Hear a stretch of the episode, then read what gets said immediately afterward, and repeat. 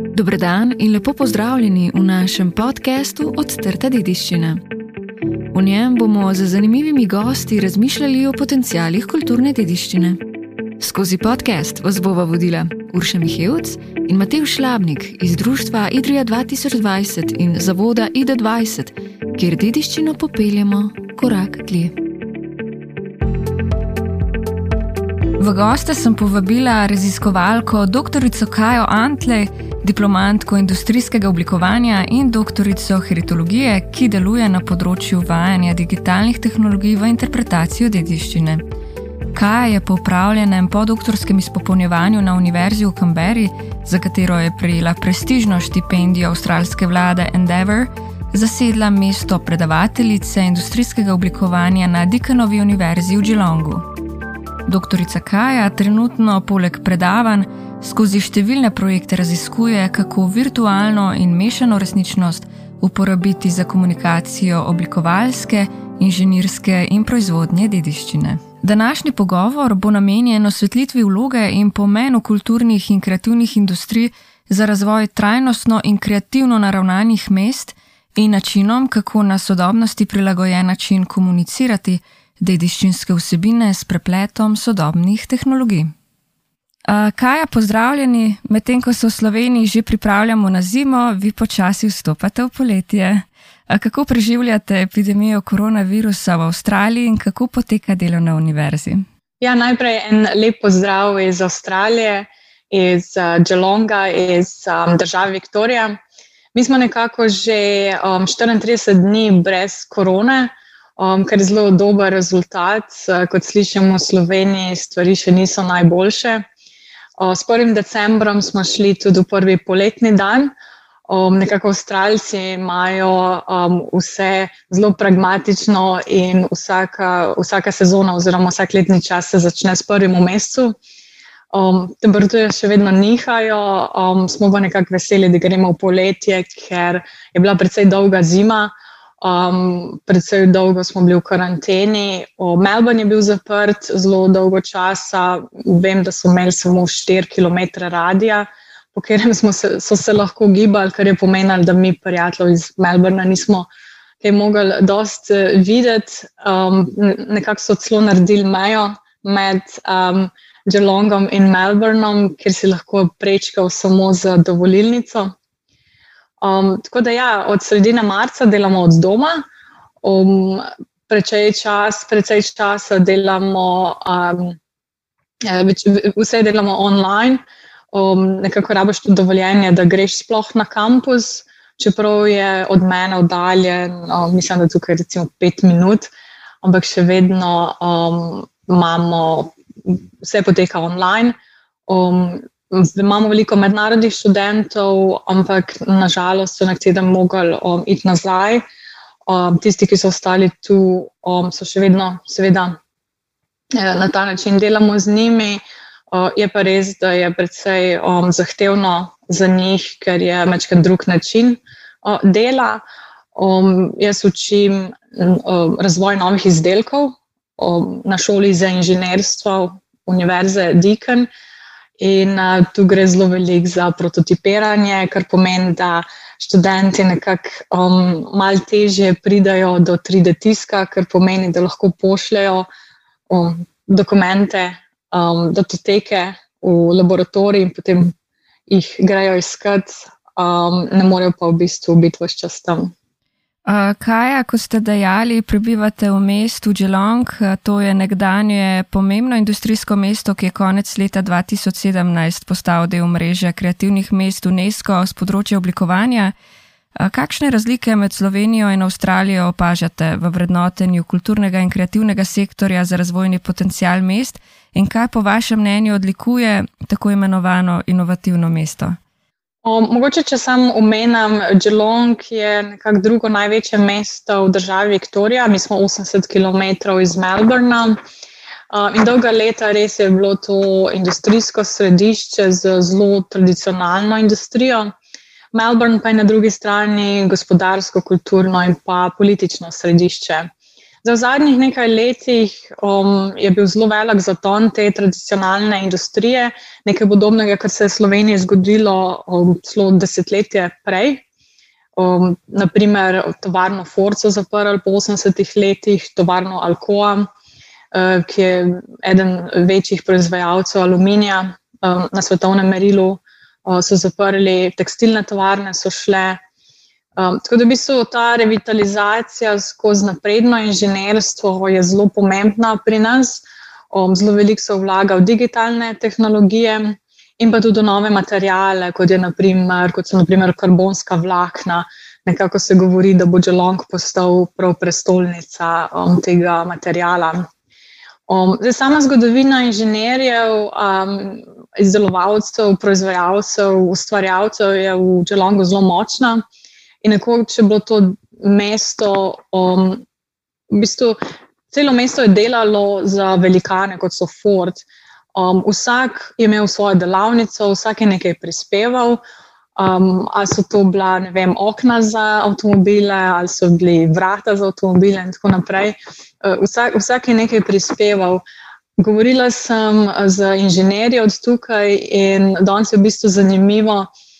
Včasih so vse te delavnice tekmovale med sabo, danes pa nekako uh, vsi uh, združeno um, probajo najti neke možnosti sodelovanja. Ustanovili so recimo Geelong Manufacturing Council uh, na ta način. Zdaj, um, samo mesto ima zelo dolgo tradicijo, um, že sama Avstralija, recimo, um, poznamo tukaj 65 tisoč let dolgo tradicijo inoviranja skozi staroseljsko kulturo. Um, mogoče je zanimivo za slovenske poslušalce. Bruce Pascal um, je 2014 napisal knjigo Dark Emu oziroma Temni Emu, ki se jo splača prebrati in govori o razvoju poljedelstva med staroseljci in pa teh inovacijah. Znana so tudi recimo zgodnja plovila, s katerimi so avtohtoni prišli na avstralsko celino severa in potem naprej evropska poselitev, posebej po drugi svetovni vojni, prinesla hitre spremembe, gradnjo infrastrukture, gradnjo mest, kmetijskih površin, industrije, elektrarn, rudnikov, tovaren, vključno z avtomobilsko industrijo. Se pravi, zelo veliko stvari je bilo treba zgraditi v Avstraliji, da je postala nekakšna moderna um, družba. Na drugi strani imamo Evropo, ki ima zelo, zelo, zelo dolgo tradicijo te modernizacije, um, ne, ne samo z, industrijskega vidika, ampak že od same renesanse naprej in um, skozi vsa ta um, stoletja.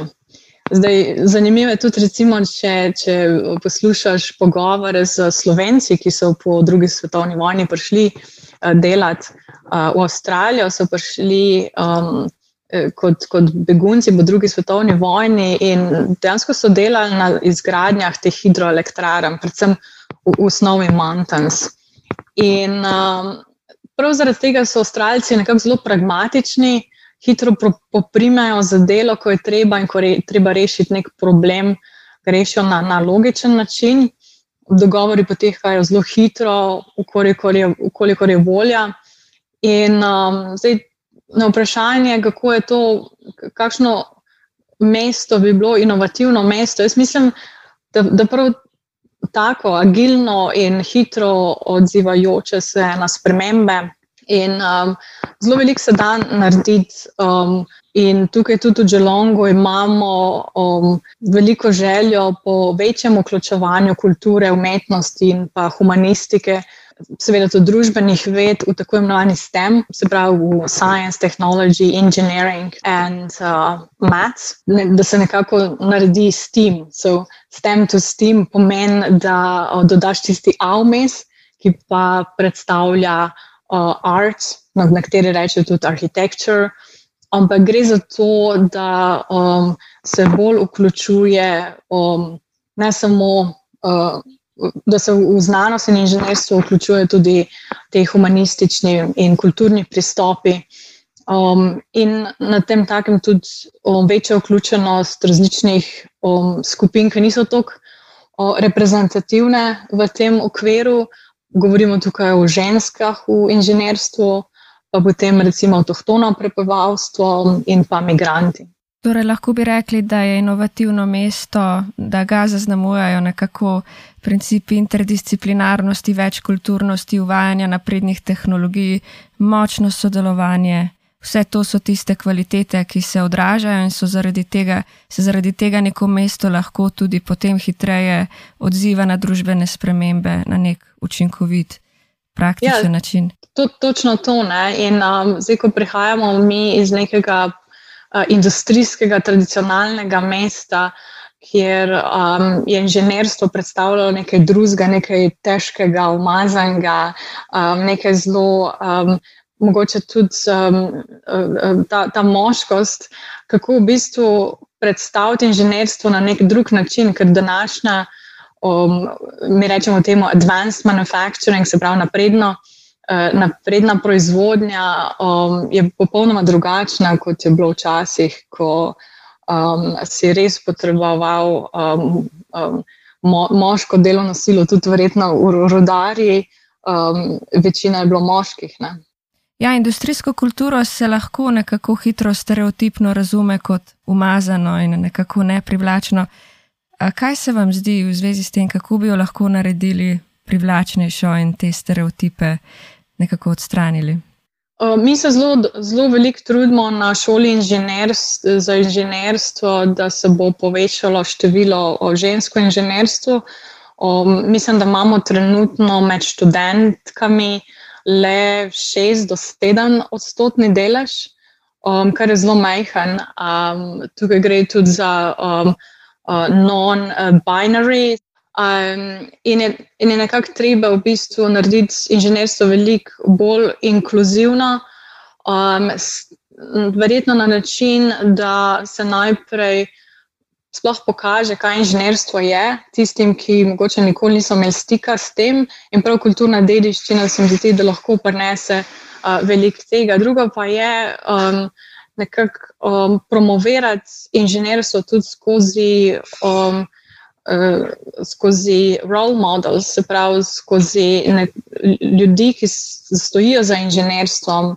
In um, če imamo zelo veliko, um, recimo, žensk, ki so inženirke in se jih nekako tudi uh, pokaže v javnosti, to potem lahko vidijo mlajša generacija.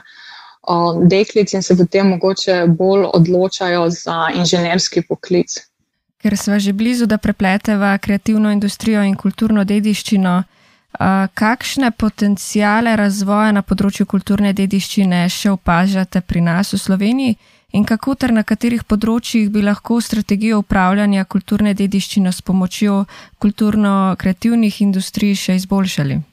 Um, nedvomno se mi zdi, da je zelo pomembna um, nekako. Um, da, da se poveže tako kulturno dediščino skozi druge vidike kulture in pa um, kulturne industrije oziroma uh, kreativnih industrij. In dediščina nekako govori o identiteti prebivalstva, um, lahko poveča radovednost, inspiracijo, navdih na, na um, lokalne skupnosti.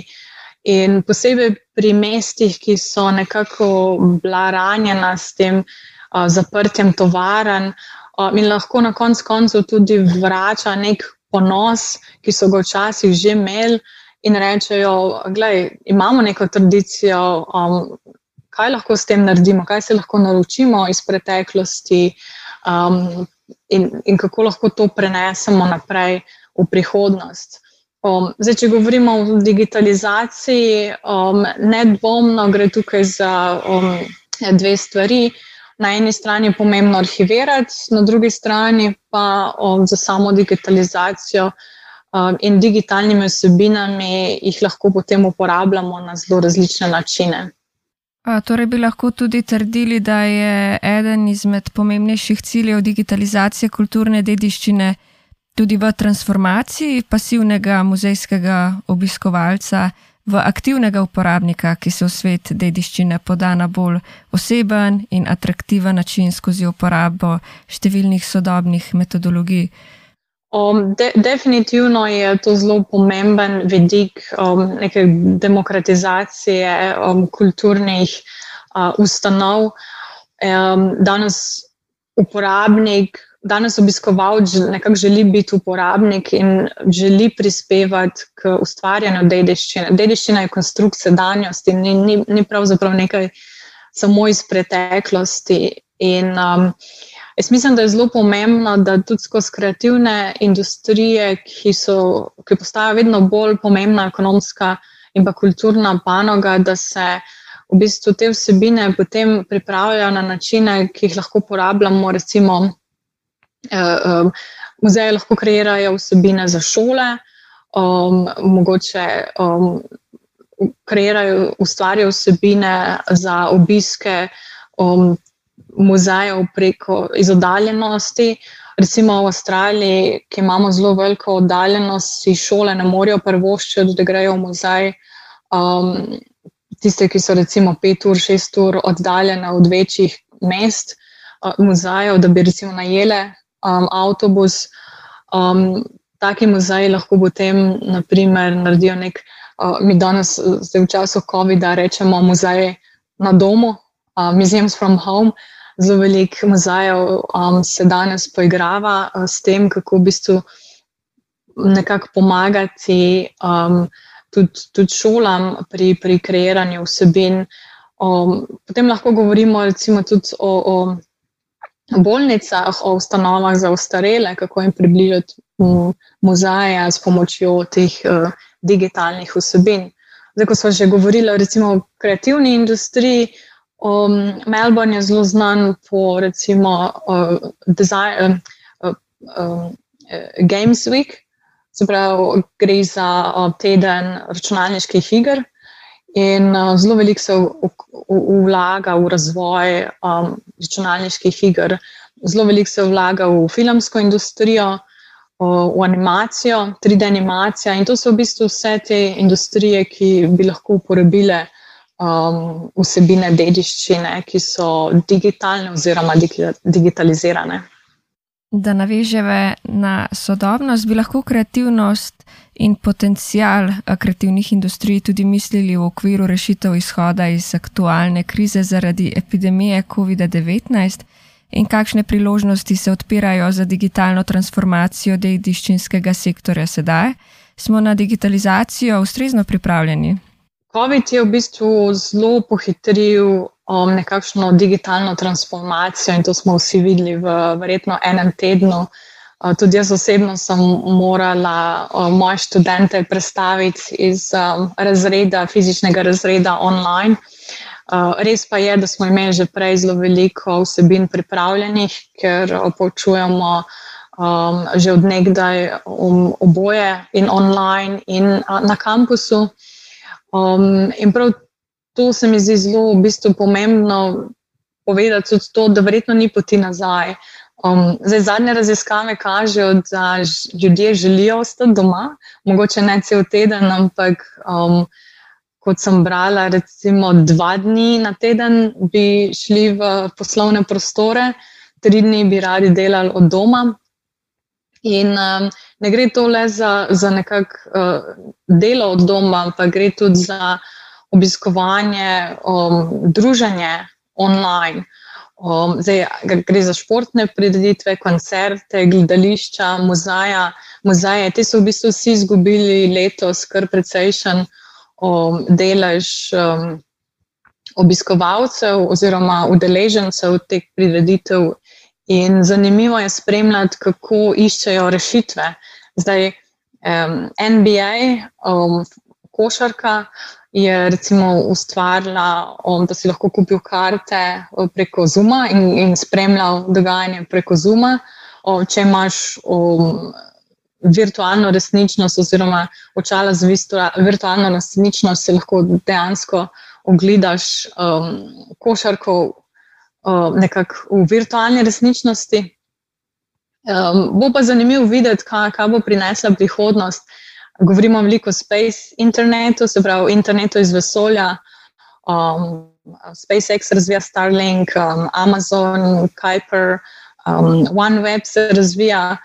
In če pomislimo, nekak, da bomo vsi lahko bili deležni interneta um, in bo nekako to de demokratiziralo, kaj se potem zgodi s fizičnim obiskom, bo se morda obrnilo v smer, da bo um, postalo, ne vem, celo mogoče elitistično se udeleževati konferenc, um, koncertov, športnih prireditev, in bo veliko lažje um, se udeleževati um, muzejev, gledališč, koncertov online v virtualni resničnosti.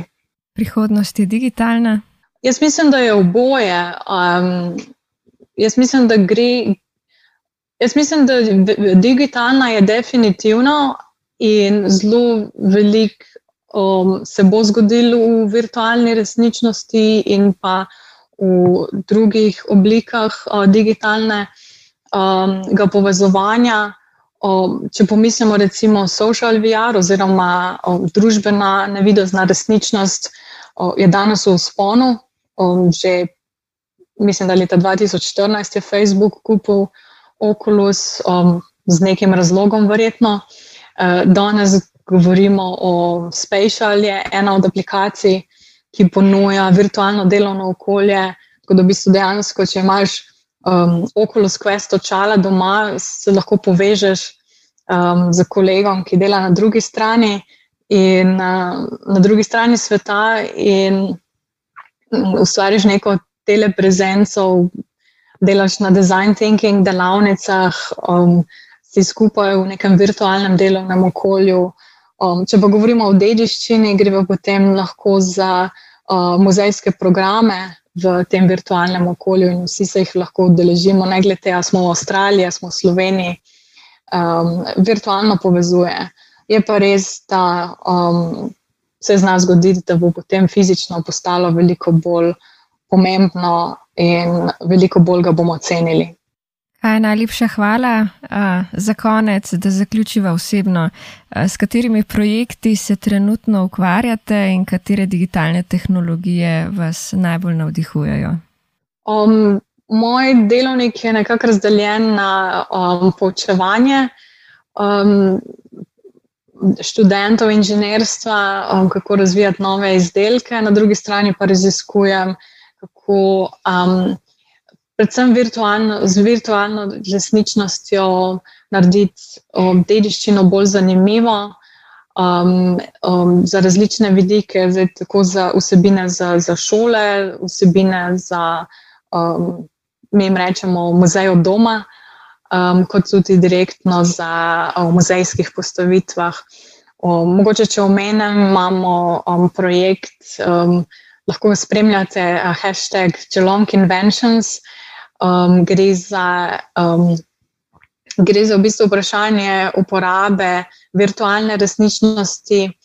Um, za komunikacijo proizvodnje in oblikovalske dediščine um, Geelonga in podobnih postindustrijskih mest. Tam sodelujemo z um, mednarodno umetnico zvoka, dr. Uh, Ross Band, ki je hči uh, Luja Benta, ki je razvil uh, tako imenovano vozilo Jut, ki je v Avstraliji zelo popularno. In um, izdelujemo um, Eh, nekako razvijamo animirano, gamificirano zgodbo um, za navidezno resničnost o tem avtomobilu in njegovem oblikovalcu. Um, v tem projektu dela tudi um, moja doktorska študentka Manca Ogrizek, uh, ki je prav tako slovenka in se ukvarja z 3D interakcijskimi tehnikami. Um, druga doktorska študentka Biba Tominc uh, se naprimer ukvarja uh, z dediščino surfarja surfanja. Uh, to je nekako njen stadi, uh, sicer pa razvija, um, razvija nekakšen okvir, kako pomagati netehničnim strokam pri razvoju virtualnih vsebin za um, aplikacije v kulturnem turizmu. Naprimer, um, kako v bistvu pomagati regionalnim dediškim dediščinskim centrom in pa turističnim centrom, občinam, um, mogoče regionalnim muzejem, ki se prijavljajo na projekte virtualne resničnosti in pa morda nimajo tehničnega znanja. um, na tem področju. O, mogoče še omenim projekt z Art Center Melbourne, ki gre za um, enim največjih gledališč v Avstraliji. Um, tam digitaliziramo operne kostume um, in pa delamo na um, aplikaciji virtualne resničnosti um, za razvoj empatije do nastopajočih um, in pa kako v bistvu um, se nastopajoči iz, nekako um, srečujejo z izzivi um, tik pred nastopom. In v prihodnje bo verjetno iz tega nastal tudi nekakšen trening za izboljšanje duševnega stanja. V prvi fazi pa smo nekako želeli uh, izdelati um, vsebino, ki jo bodo lahko prikazali uh, v galeriji, preden um, si greš ogledati predstavo, se želimo nekako um, še na drug način angažirati uh, javnost, uh, ki si pride ogledati njihove koncerte, muzikle. Um, predvsem zato, ker ima zelo bogato um, zbirko kostumov um, in zbirko um, prototipov, setov in tako naprej. Kaj me trenutno najbolj navdihuje, um, predvsem to združevanje različnih tehnologij, nekakšna konvergenca med virtualno resničnostjo, um, med uh, obogateno resničnostjo. Danes govorimo v, o XR oziroma Extended Reality. Um, nisem čisto pripričana, kakšen je slovenski prevod temu, in pa 3D tisk. Ne. Se pravi, gre za, za virtualne in mešane vsebine, tako taktilne, kot pa um, tiste, ki so um, nekako res um, znotraj virtualnega prostora. Na drugi strani pa me tudi zanima, recimo, kako um, umetna inteligenca lahko, lahko prispeva k neki vizualni in kako vizualizirati te velike podatke. Um, je pa tudi zanimivo videti razvoj v prihodnje, kam bo šla virtualna resničnost, tako z področja filma, uh, z področja iger um, izobraževanja in podobno. Kaja, eh, najlepša hvala za sodelovanje in lepo zdrav, Dželo. Hvala tudi vam. Do naslednje epizode podcasta nas lahko spremljate na www.id20.si. Podcast pa je nastal v okviru Erasmus Plus projekta Common Heritage.